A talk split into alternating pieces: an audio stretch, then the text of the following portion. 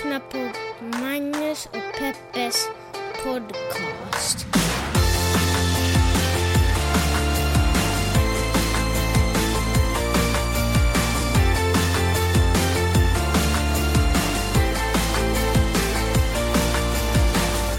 Hallå internet och hjärtligt välkomna ska ni känna er till podcasten som heter Magnus och Peppes podcast. Jag heter Magnus Silvenius Öhman. Och jag heter Peppe Öhman. Och den här podcasten sänds ifrån ett helt vanligt kök i en ganska vanlig lägenhet i centrala Stockholm. För en gångs skull. Ibland sänder vi från Santa Monica. Ibland från Helsingfors. Har vi sänt det från Helsingfors i år, till exempel? Ja, det har vi Ja, verkligen. där ser du. Så ibland sänder vi från Helsingfors, och nu sänder vi från Stockholm. Så här coola är vi. Globetrotters. Man bara glider runt världen, pass, så det bara, man bara regnar pass ur fickorna på oss. Ja, dina kanske. Ja, det sant. Eh, pass som har gått ut, i och för sig. Eh, den här podden så pratar vi om saker som vi tycker är intressant. Det är oftast eh, stora och eh, små världshändelser och så tittar vi på dem ur ett mediegranskande journalistiskt eftersom vi båda claimar en journalistisk journalist som vårt yrke, eh, journalistik som vårt yrke och ur ett feministiskt perspektiv. Eh, så, så där har ni lite premisserna för podden. Peppe, vilken vecka! Så otroligt mycket har hänt. Har du tänkt på det? Världen is on fire. Vem var det som skrev den där låten? The world, the world, the world is on fire.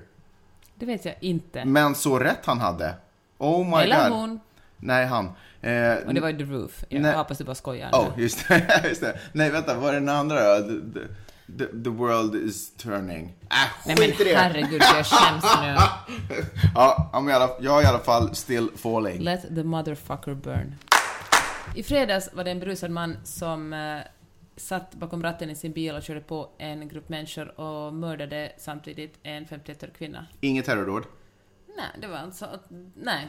Var skedde det här? Du sa det aldrig. I Helsingfors. Just det. Mitt i Helsingfors. Och, eh, ja, och, eh, eller mörda, mörda, han är liksom anhållen för dråp och fem försök till dråp. Men... Men eh, gjorde han det alltså för att han var full? Eller gjorde han för att han var arg?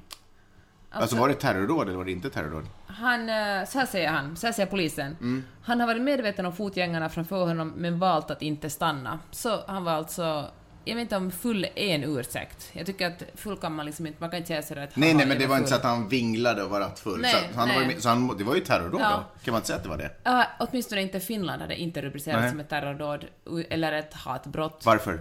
För att han var vit och full Just det. och finländare. Mm. Och då tänkte jag på att om han ska vara av annan nationalitet och religion, säg, vi leker med det här exemplet, han kommer från eh, Marocko, är muslim och eh, har kört på de här eh, människorna, mördar en 51-årig kvinna. Hur tror du medierna skulle skriva om det då? Mm. Ja, men då har det varit terrorbrott och vi måste diskutera rasismen och vi...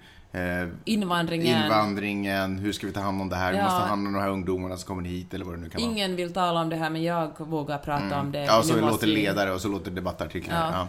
Sannfinländarna börjar förbereda sig inför nästa val för Ja. att så här kan vi inte ha det. Innan det här hände har aldrig en finländsk För att inte prata om någon. surret i stugorna. Nej, men precis. Och då tänker jag att, uh, gud vad sorgligt. Alltså att, att ingen... Att man verkar, liksom, det är ingen överraskning att man behandlar folk så här olika, men det är ju vidrigt. Mm. Alltså det är, så, det är så tydligt, för det är ju inte första gången någon kör in en bil i en grupp människor. Mm. Men, men, eh, ja.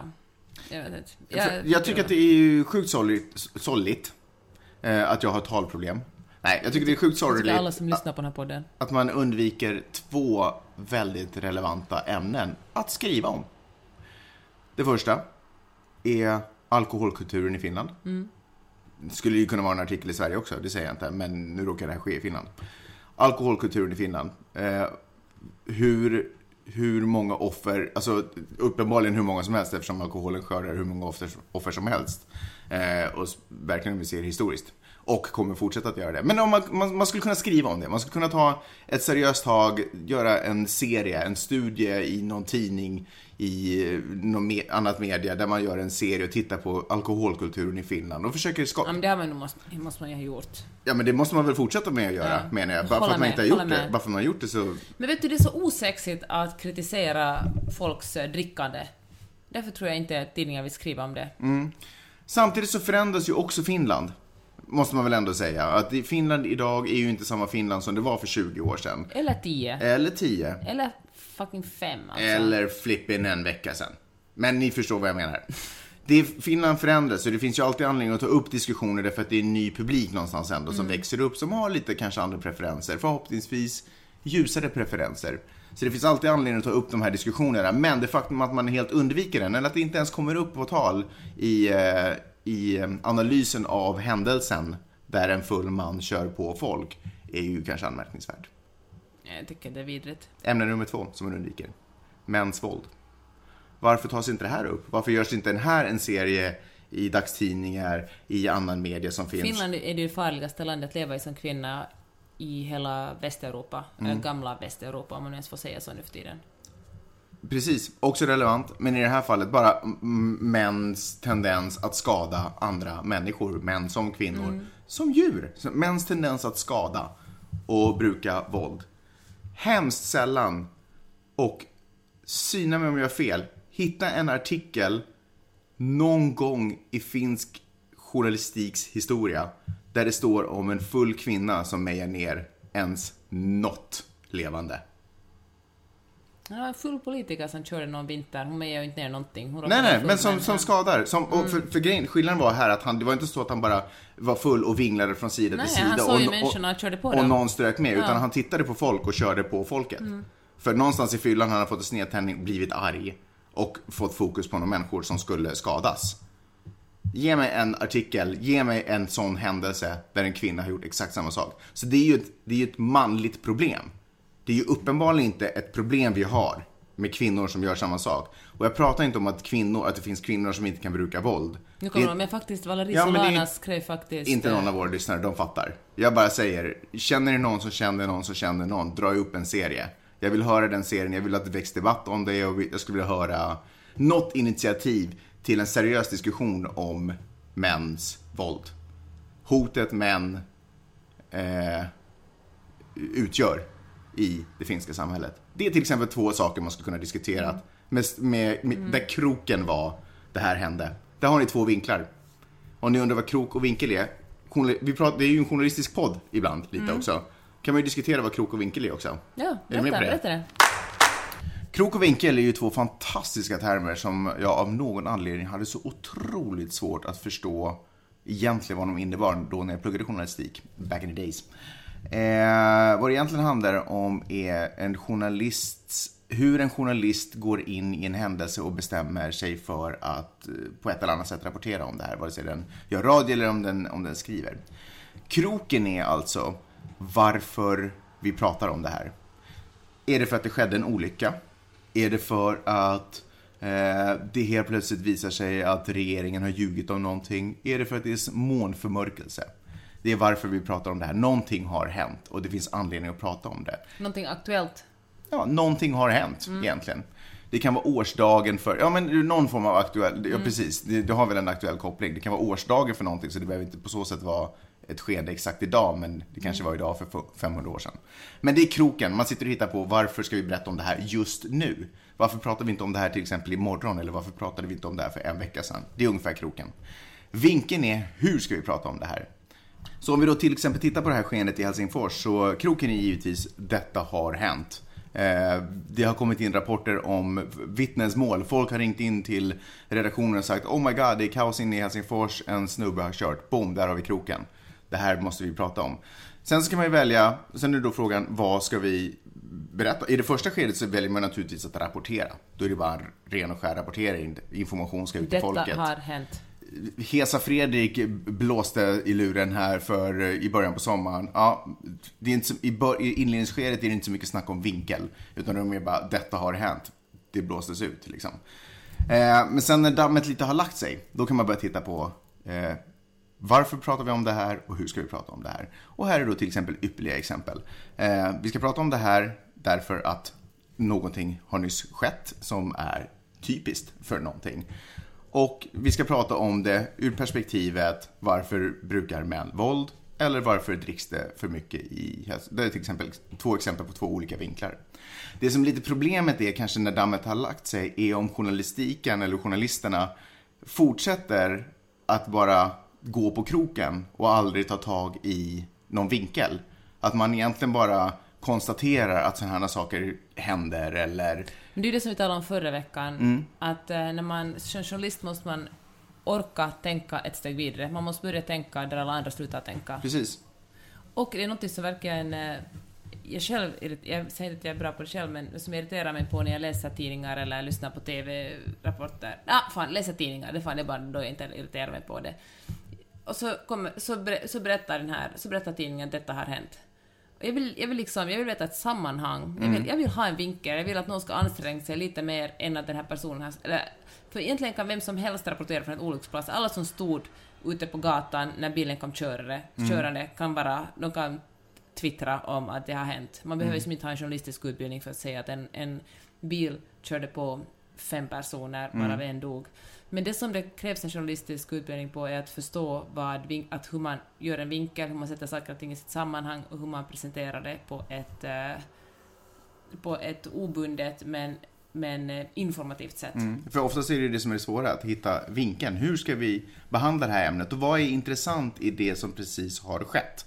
Eh, och då krävs det ju att man kanske har insikt om tidigare händelser, man kanske har möjlighet att se någon koppling mellan olika händelser för att få ihop det. Så bara, Jaha, men vänta, det här verkar ju vara symptom eller det här verkar ju vara en, en tendens eller någonting annat. Och då, då kanske det är det man ska diskutera snarare än att man diskuterar det som precis har hänt eller, eller färgen på bilen eller någonting annat ointressant eller vad fasen det nu kan vara. Ja, där hade vi en lite snabb kurs i eh, journalistisk terminologi, krok och vinkel. Jag har en lyssnarfråga. Eh, som är jättesvår. Ja. Jag kan inte svara på den rakt ut, men jag tänkte att om jag ställer den nu så kanske någon lyssnare som är smartare än vi kan skriva in och svara på den. Snyggt. Eller vem vet, kanske du kan svara på den.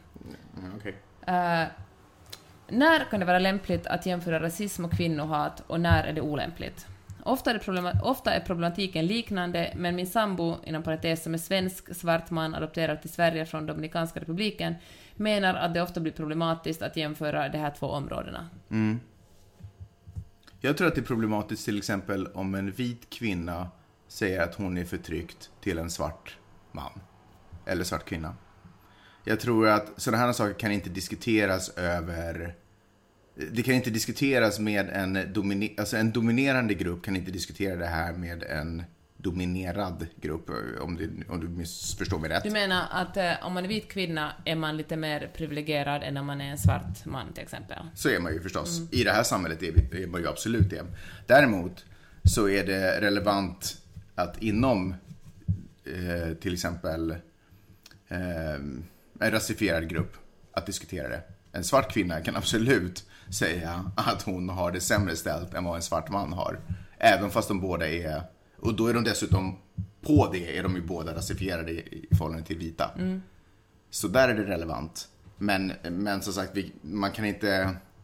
Så det här är vad du säger, man kan inte, som, eh, som um, vit kvinna kan man inte dra feministkortet om man... eh, Mot en, mot en rasifierad. Nej, det kan man inte göra. Jaha, intressant. Ja, alltså, man kan diskutera feminism naturligtvis, men man kan inte säga att jag har det sämre än vad du har. Eller, men däremot ska man naturligtvis diskutera allmänt hur kvinnor har det på jorden. Det kan man väl det kan man ju diskutera. Och man kan säga att likheten är ju att det är två förtryckta grupper. Ja, och sen så, helt ärligt så kan det inte ens vara så att en fattig vit man kan diskutera det här med en rik svart man ens. Nej, det är sant. Eh, eller en, en, eh, en eh, fattig vit kvinna kan inte ens diskutera det här med en rik svart man. Därför att den fattiga kvinnan är i och för sig som person och som individ har kanske haft det sämre ställt alltid. Men är fortfarande... För när man diskuterar sådana ja men det är klart att Fast de... det där är svårt. Ja, men, nej, men kolla så här, på ett personligt plan så kan de nu naturligtvis diskutera om det är relevant. Eh, att, att hur jag har haft det när jag växte upp och hur du har haft det när du växte upp. Och där kan, kan de säkert komma överens om att i det här fallet så hade den svarta mannen haft, haft ett mycket lyckligare och kanske bättre och trevligare och bättre förutsättningar i livet. Fine. Men om man diskuterar strukturer och om man diskuterar hur det ser ut på jorden. Så då kan det suga för den här uh, otroligt... Vänta nu, hur var det? Vad sa jag? Vad var En premissen? fattig vit kvinna. Ja, det, det kan säkert, en det kan vara frustrerande för den här fattiga kvinnan för hon kommer hela tiden sätta sig själv som, i den här bilden av kvinnan. Men om man diskuterar strukturer så är inte hon en representant i förhållande till den här svartvit, svarta... Intressant. Hanna Rosin skrev en bok om det här som heter The End of Men, som Mm. handlar om hur vita arbetarklassmän i USA är strukturellt förtryckta av kvinnor. Eftersom kvinnor kommer, det finns fler, det nu finns det fler kvinnor som har högre utbildningar, som kommer in på college och Mm. på universitet, och eh, kvinnor lever längre. Det går helt enkelt bättre för kvinnor än för, uh, Men, än för uh, arbetarklassmän. mm. Men eh, i den här analysen, jag tyckte det var en ganska dålig bok, jag tycker annars hon är superbra, Hanna Rosin alltså, men jag tyckte, jag håller inte alls med om den boken. Men då glömde hon bort analysen hur det går för fattiga kvinnor, för Mm. fattiga kvinnor är ju fortfarande, ännu lägre ner. Ja. ja, eller arbetarklassmän. Och det här är ju så att alla de här grupperna har ju sin, sina olika hierarkier och där kommer kvinnan alltid vara lägst i, i de hierarkierna. Mm. Nästan uteslutande kommer det vara så. Så när det är lämpligt att diskutera det är när man diskuterar strukturellt förtryck. Det är Mm. två grupper, ofta går ju kvinnohat och rasism hand i hand. Mm. Det är ju inte så att, det är väldigt eh, sällan eh, feministmän är rasister. De är säkert... Jag vet inte. Eller, Men, Ja, de är väl antagligen en... eh, Alltså vi, ju alla, vi lever ju alla i ett, ett både patriarkalt och, eh, och rasistiskt samhälle där vi... Vår kultur skolar in oss att vara Mm. nej men strukturellt sett så är ju fem, strukturellt sett så är jämställdhet också ett problem, alltså det är ett problem i alla grupper. Alla, alla kulturer och alla grupper, du kan, Mm. demografier du kan koka ihop så är ju, så är ju jämställdhet, jämställdhet ett problem. Så det är, ju, det, går ju, det är ju alltid relevant att diskutera. Mm. Men det som, är, det som är säkert är svårt att diskutera är, eller det som säkert är svårt när man diskuterar är att man inte sätter sig själv som bilden för vad till exempel, att jag till exempel inte använder mig själv och mitt eget liv som bilden för hur en vit man har det på jorden eller ens i vårt samhälle. För då, då pratar jag ju inte Nej, man kan ju inte använda sig själv som exempel. Nej men det är väl oftast det man gör och därför tror jag också till exempel att många fattiga människor i, mitten av USA eller var du nu än hittar de vita, eh, vita, fattiga vita män upplever det provocerande att man pratar om att de är på något sätt en dominerande grupp eller någonting när de känner att de inte ens har tänder i munnen kanske, vad fan vet jag.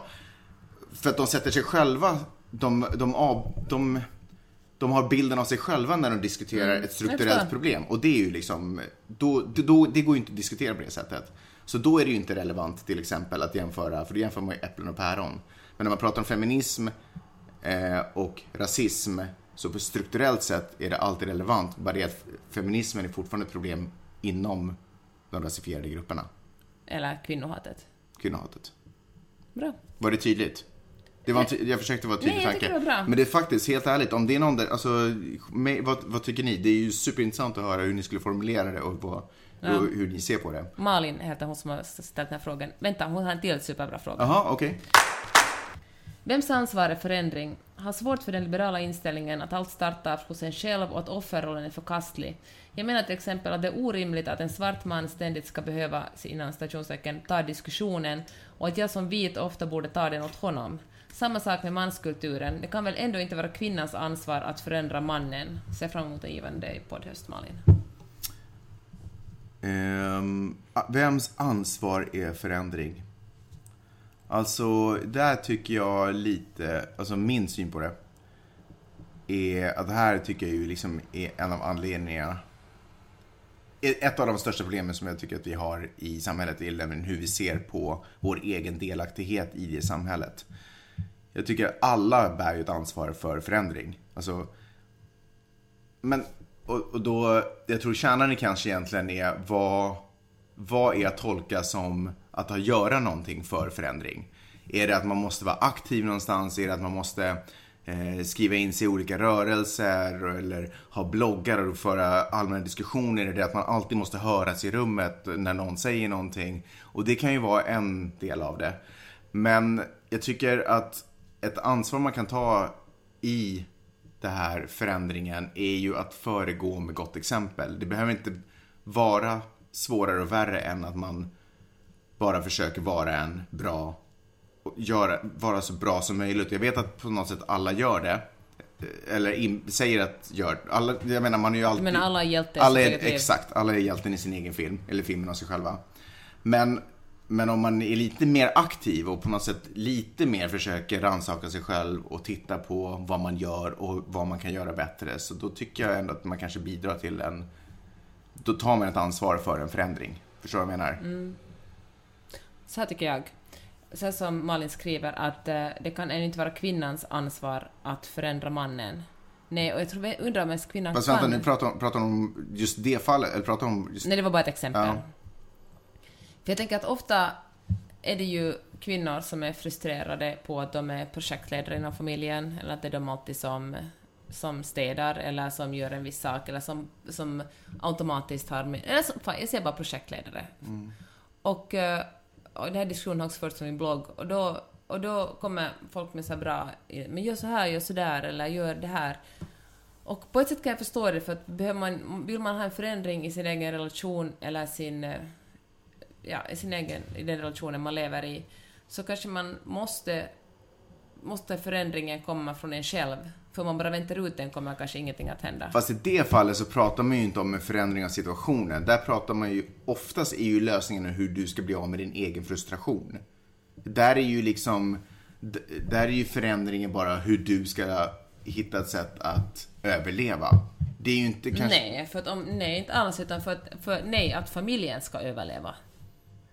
Det är ju ett förminskande att säga att, att det är ditt eget... Nu säger du bara att det är ditt eget problem. Om, du, tycker, om du är störd på någonting i en relation är det ditt problem. Nej men jag menar, nej det, det var inte egentligen det jag sa. Men jag tänker kanske att de råden man får behandlar det som att det här är ditt problem. Och så här kan du komma över det.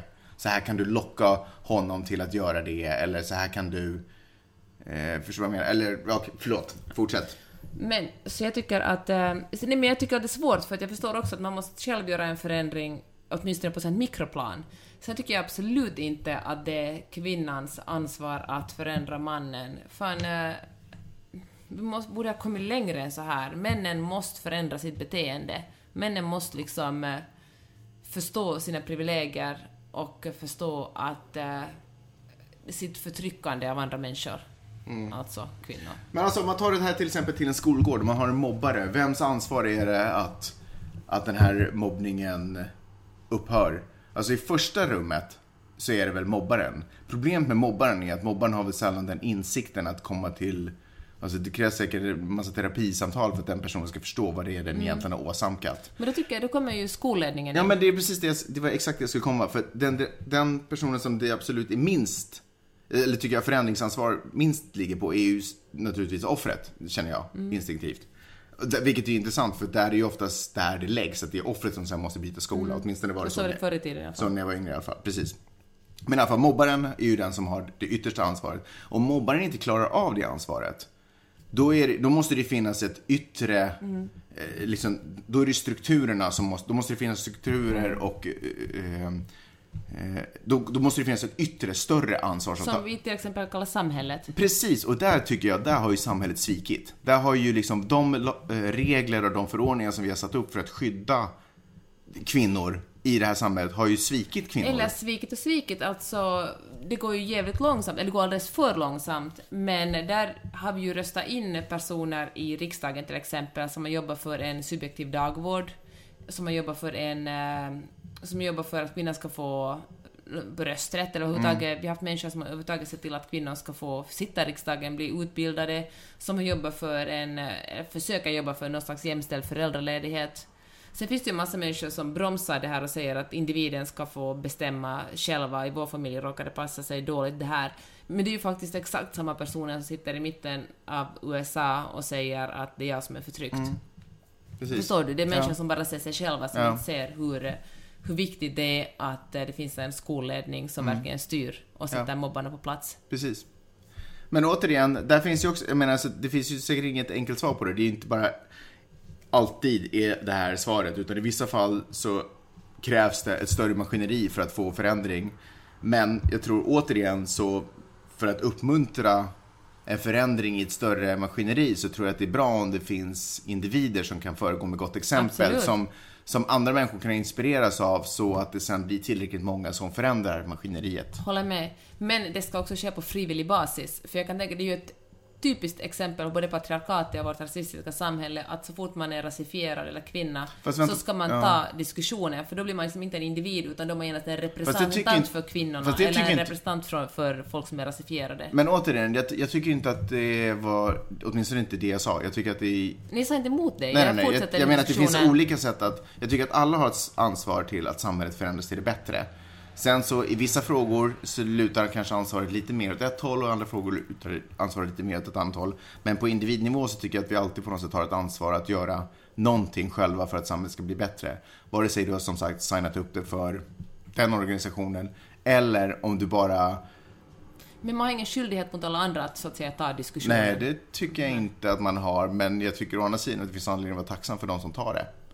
Tar Hålla den med. diskussionen. Hålla verkligen med. De som orkar, de som alltid är där. Ta till exempel som vi nämnde tidigare, om vi nu gjorde det, Lady Damer. Vi gjorde faktiskt inte det, vi tog bort den delen. Men Just det, du kan precis. säga det. För vi var, vi var på middag här för några veckor sedan med eh, Lady Damer och eh, Cissi Wallin som driver den här feministiska podden Pentricket.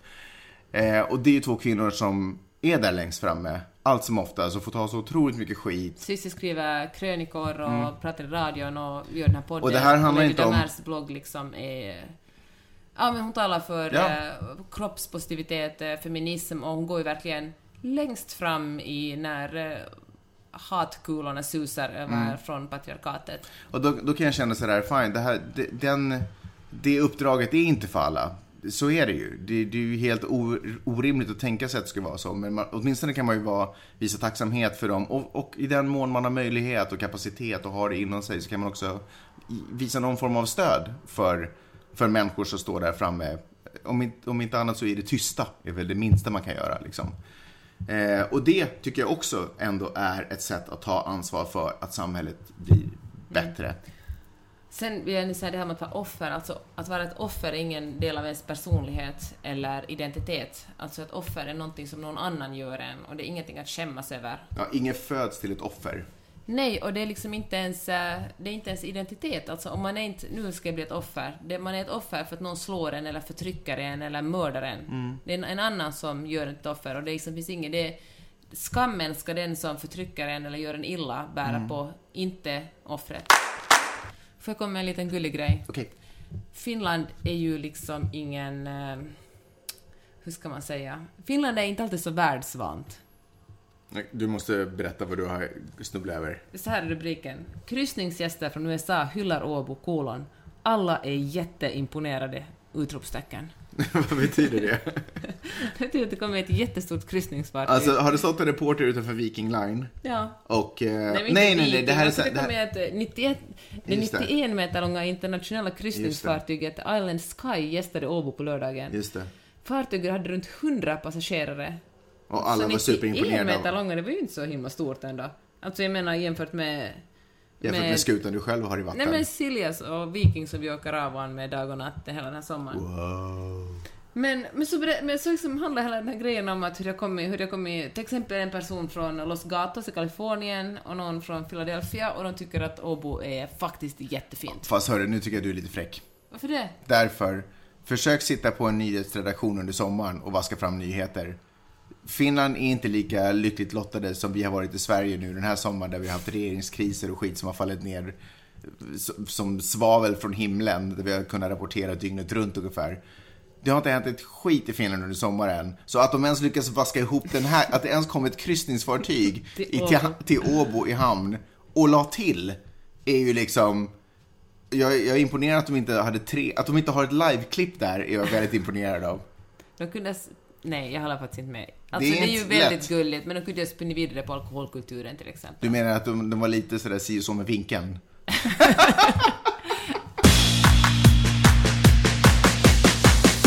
Hej! Har du frågor och kommentarer så kan du mejla min mamma och pappa på Magnus och Peppe snabel gmail.com. Gör det!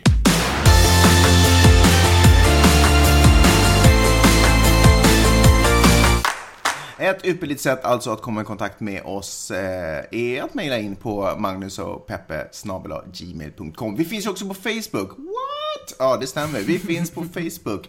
Eh, och då är det Magnus och Peppes podcast som, alltså Facebook. Eller? Så jag Ja, nej, nej. Ja. Skitsamma, om man skriver in i sökfältet, ni vet hur det funkar. Ni vet hur det här funkar, kom igen. Eh, så, kan man, eh, så hittar man oss där och så kan man skriva och kontakta oss om man har frågor, synpunkter, kommentarer, ni vet. För att inte tala om iTunes. Ni vet hur vi älskar att få era underbara recensioner. Fortsätt pumpa in recensionerna. Det, Peppe blir så otroligt glad. Det blir det faktiskt. Om Peppe är glad, då har jag en så himla lätt och skön dag. Jag har jobbat hårt den här sommaren, så det är så otroligt befriande att komma hem efter att ha varit liksom 12 timmar på jobb, så kommer man hem på dagen. Och så, vadå, du rullar på ögonen. Jag var ju typ 12 timmar på jobb häromdagen. Eh, kommer hem och så ser man att Peppe suttit och läst era recensioner, bara skiner, stort leende. Det betyder att jag får jag gå och lägga mig och vila mig lite ett tag. Och den här podcasten kostar ju 86 cent per avsnitt. Mm. Per Tack avsnitt. alla ni som betalar. Det är så fantastiskt att det finns folk som visar att eh, nu för tiden betalar man för innehåll. Om ni undrar, är det värt att betala för den här podden? Jag vet inte vad jag ska säga. Kai Korka har betalat för podden, så I don't Just know. saying. Mm, just saying. Och ett stort tack till alla ni som prenumererar på den, för det kommer man faktiskt också göra. Magnus, du berättade ju häromdagen att, om alla som prenumererar på vår podcast. Precis, sen så gjorde det psykologiskt strategiska draget. Så- Jag tänkte så här att om jag först säger att vi har helt plötsligt fått, för vi, det var på något sätt en våg. Fick jättemycket nya prenumeranter, superkul. Jag är så glad för var och en av er. Eh, men sen så nämnde jag också, så råkade jag se också, oj nej, här är en som har trillat bort också. Och så var det typ det enda du kommer ihåg. Alltså, det jag har tänkt på det ett helt dygn nu. Ja. Varför trillar hen bort? Är det för att vi har gjort dåligt innehåll? Tycker hen inte om oss längre? Eller har bara personen inte råd för att bli av med jobbet kanske? Ja, jag, kan, jag kom på riktigt inte riktigt släppa. Ja, jag har alltså varit tvungen att hindra Peppe från att skicka iväg massvis med mail till den här personen. Nej, jag skojar bara. Nej, hörni, ni gör precis som ni vill. Om det inte duger för er, jag förstår, då ska ni sluta prenumerera. Och framförallt så ska ni inte betala om det är så att ni bara inte har pengar. Kanske du är jättefattig, då ska du inte betala för den här podden. Men det du istället kan göra, någonting som är i princip gratis för dig, är att lite engagera dig. Kanske du säger något snällt om oss på något socialt medie som du bemästrar. Kanske du eh, går in och skriver en recension på iTunes. Kanske du eh, hyllar oss där så vi kommer upp lite i deras algoritmer. Alltså det där. Hur man syns på iTunes, det är ju en vetenskap. Som jag kan ganska mycket om. I och för sig, men vi behöver inte dra det i podden, men jag bara säger att det är, det är ju... Ni kanske tänker att det är de poddar som har flest lyssningar som syns på de där listorna. Det var nu koko det. I wish. I wish man. Det är inte, eller vadå, det är inte så att det skulle synas där ändå. Men ändå, Det är inte så att alla är män här. dessutom. Ja, det var väl det vi hade att säga om den saken. Tack Vidde för att du påminde oss. Eh, kan man bara konstatera att det har hänt så otroligt mycket i eh, ja, Sverige förstås också, men i världen. Alltså, det är ju... För, för ett tag sedan kände jag så här, vinden har vänt. Jag var helt på Petters sida, 93-ish. Eh, och tänkte att när Trump blev president, då blev alla bara, "Åh", fick alla kalla fötter, högervinden håller på och vänder i Europa, bra partier vinner, eller det vill säga inte högerextremistiska partier vinner längre.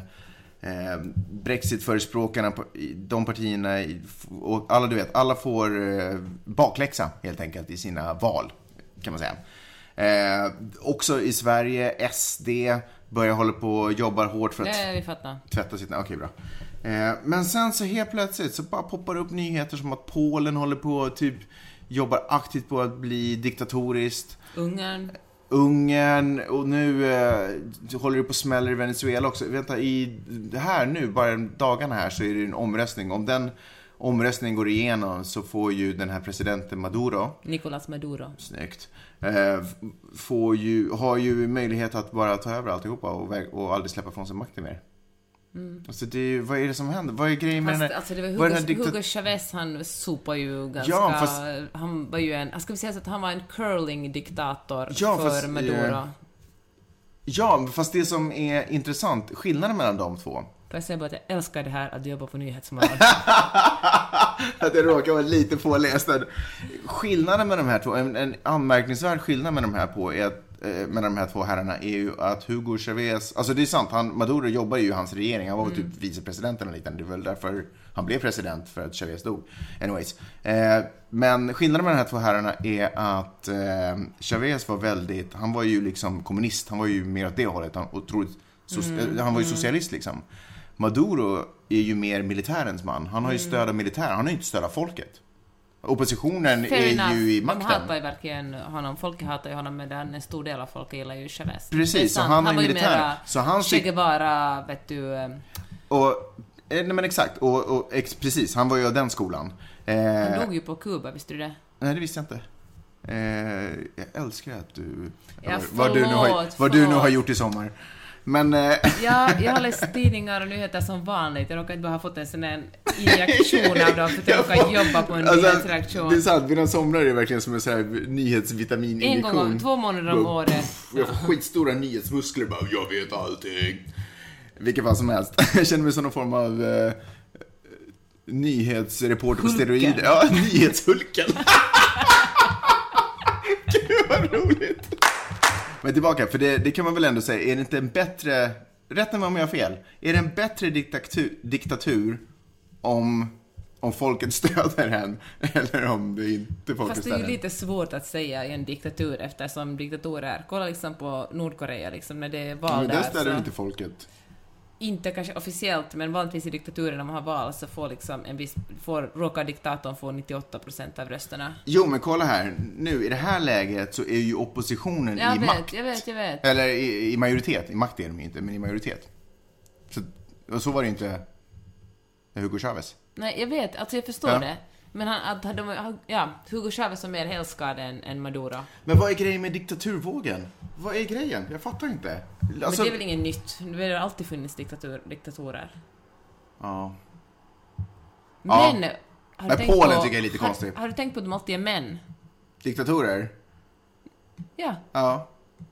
Ja, det, det, det stämmer ju. Ja. Jag, jag Du skulle bara, bara... din hjärna bara eh, ja, nej men alltså, man vill ju nästan se en kvinnlig diktator. Varför kan aldrig det hända? Men vänta, det måste väl ha funnits? Jag, jag tänker mig någon som, eh, vad hette hon? Gråt ej Jag för visste mig den- Argentina. Den? Det är Fan väl... också. ne- som, nej, men fan, nu Nej, men hette hon inte, hette hon inte Madonna?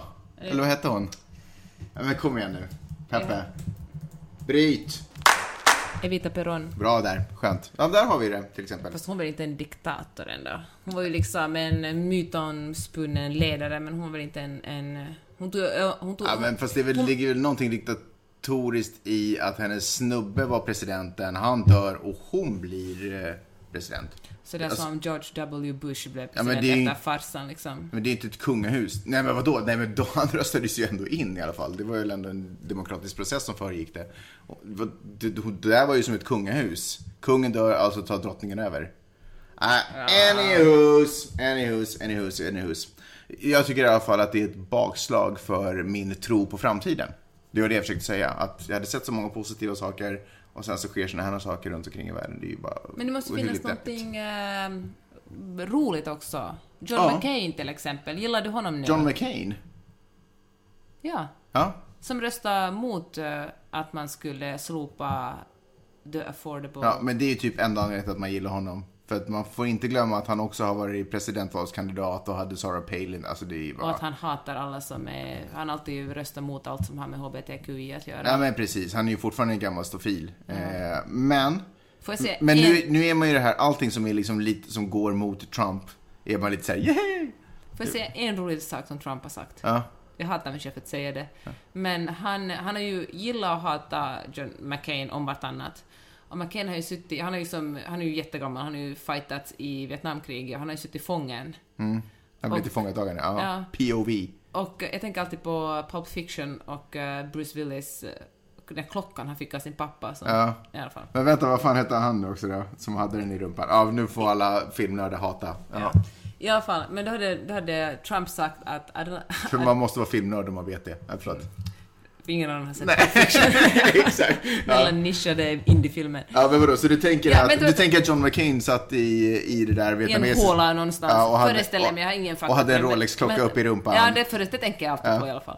Och men då hade, under en period där Trump inte gillade honom så hade han sagt att I don't like people who get captured. Därför gillar han inte. liksom kritik mot Donald hans Trump har ju aldrig gjort... Han har ju aldrig gjort... Fightats i något krig liksom. Nej, förstås inte. Ja, det... Ja, ja. Också konstig, konstigheter, som, konstigheter som händer där borta. Han får ju inte bara igenom den där... Han har inte fått någonting. Det enda han fått gjort under sitt, sina sex månader är att få in den där jävla högsta domaren som är så här bild, vad heter det, bibeltrogen, eller bokstavstrogen. Men hörru, kan, eh, kan den här muskelhulken också bara få informerade om, eller vad säger jag, Nyhetshulken. Nyhetshulken också få informerade om att eh, han också nu fick igenom att de ska bygga den här muren. Det röstades igenom. Är det sant? Ja. Det visste jag inte. Det är därför du har mig. Eh, alltså det går, men han får, alltså, jag, men, alltså det här Obamacare-grejen, jag kan inte för mitt liv förstå hur de inte kan få, hur han inte får sin, ens en liten vilja igenom där. Alltså de är i sån otrolig majoritet där, så att, och jag menar, det är inte, För det är ju en katastrof för USA, det är ju Och- därför de inte får igenom den. Det är ju på riktigt en, herregud, alltså det räknar med att 20-25 miljoner människor kommer att dö inom Mm. de närmaste åren om de slopar Obamacare. Mm. Det är ju inte liksom den bästa lösningen i världshistorien. Nej, men kolla på, alltså jag, jag fattar det. Jag tycker att det är ju, det är ju åtminstone tacksamt att det finns republikaner där i senaten som känner ett ansvar för folket och därför inte ens med, in, inte liksom kan se sig själva och rösta för det, de förslagen som ligger. Det roliga är att jag, jag lyssnade på eh, The Daily, alltså New York Times podcast och det visar sig att de här, det är så många omröstningar där så att det är liksom inte ens så att de röstar, de röstar egentligen inte ens, det är bara förslag som pumpas ut för att de ska kunna, alltså de använder omröstningarna för att försöka skapa ett lagförslag. Förstår du vad jag menar? De får nej på det här, bra, då skriver vi inte det i lagförslaget. Jaha, nu fick de nej på det, ja men då skriver vi inte det heller i lagförslaget. För att de sen någon gång i framtiden ska kunna lägga fram någonting som kanske går igenom. Sad! Utropstecken, utropstecken, utropstecken. Jag blir alldeles, jag blir ju alldeles svettig av det här poddandet. Hörni, så otroligt roligt att prata med er igen. Så roligt kul, och, så roligt kul att prata med dig också Peppe. Detsamma Magnus. Hur känns det att, jag, hur känns det att ha en man som jobbar? Det här kanske är, alltså så här är ju, för er som inte känner oss så bra, så det här är ju liksom upplägget att jag jobbar två månader per år och Peppe jobbar cirkus resten. Eh, men åtminstone har vi väldigt intressanta och aktuella konversationer nu under de här sommarmånaderna. Tycker du att det är roligt att prata nyheter och sådana saker? Älskar det Magnus. Jag tycker det enda som jag tycker är lite Det tråkigt är de bästa två månaderna i mitt liv. Ja, för annars är jag bara så här, Hä? Bara, Du försöker få något så här, har det, det här har hänt? Man bara, ah, okej. Du, liksom, I desperation uppmanar du mig att gå in på vår Flipboard-sida så att jag kan läsa de artiklar som du har lagt upp så att jag åtminstone har någon form av... Det finns faktiskt otroligt bra artiklar där. För att inte tala om glädjen i dina ögon då, då du ser mig lyfta upp en bok. Du uppmuntrar mig mer att läsa än du uppmuntrar Vidar att läsa. Och han kan inte ens läsa. Alltså det, är- du måste tycka att det är den mest patetiska mannen. Och en annan grej som jag skulle säga om det här nu när vi ändå har omvandlat den här podden till någon form av relationsterapi. Är att jag är väldigt besviken över att du inte frågar mig om mitt arbete så mycket. Är det sant? Ja. Ja, alltså det vill säga när jag, Jag kommer frågar ju dig hela tiden. Ja, nej, nej, nej, nej. Det räknas inte om man kommer hem trött från jobbet och bara, hur har dagen varit? Det är inte att fråga om arbetet. Nej, det, jag frågar ju faktiskt det är ju fråga om så här, hur var vädret, sådär, var det Och du varmt? bara, bra. Vart går du? Ja, men... jag ska ut och supa, jag så jag förstör det här arbetet. Nej, men inga detaljer och sådär. Jag är ju ändå liksom redaktör på... Jag har ju precis kommit från... Eh, ansvar, varit kapten för TV... För Vad ska jag TV4s... fråga dig mer än det jag gör då? Du är så sur alltid när du har precis varit ansvarig för TV4s hantering av regeringskrisen. Liksom från tre på natten till tolv på dagen och inte ens en fråga bara hur... Jag har ju sagt 10 000 gånger hur stolt jag är över dig, hur Ja. duktig du är och... Men Peppe, jag säger inte det här till dig i egenskap av att du är min fru. Jag tänker att finns det inte ett journalistiskt, in, journalistiskt intresse för hur vi arbetar och Okej, hur... vilken var vinkeln på regeringskrisen? Too soon. Too soon! Too soon, Peppe. Eller too late, eller vad man ska säga. Hörni, tack så hemskt mycket för att ni lyssnade den här veckan. Vi ses nästa vecka. Om det, är någon som vill veta, om det är någon som vill veta lite hur jag har på jobbet får ni jättegärna mejla magnuspeppe.gmail.com eh, Jag tänker att vi hörs om en vecka. Hur låter det Peppe? I Helsingfors. Ja, eller var vi nu poppar upp i världen likt de här globetrotter-svamparna vi är. Vi gör det. Ha det så bra, vi Puss hörs. Hej hej!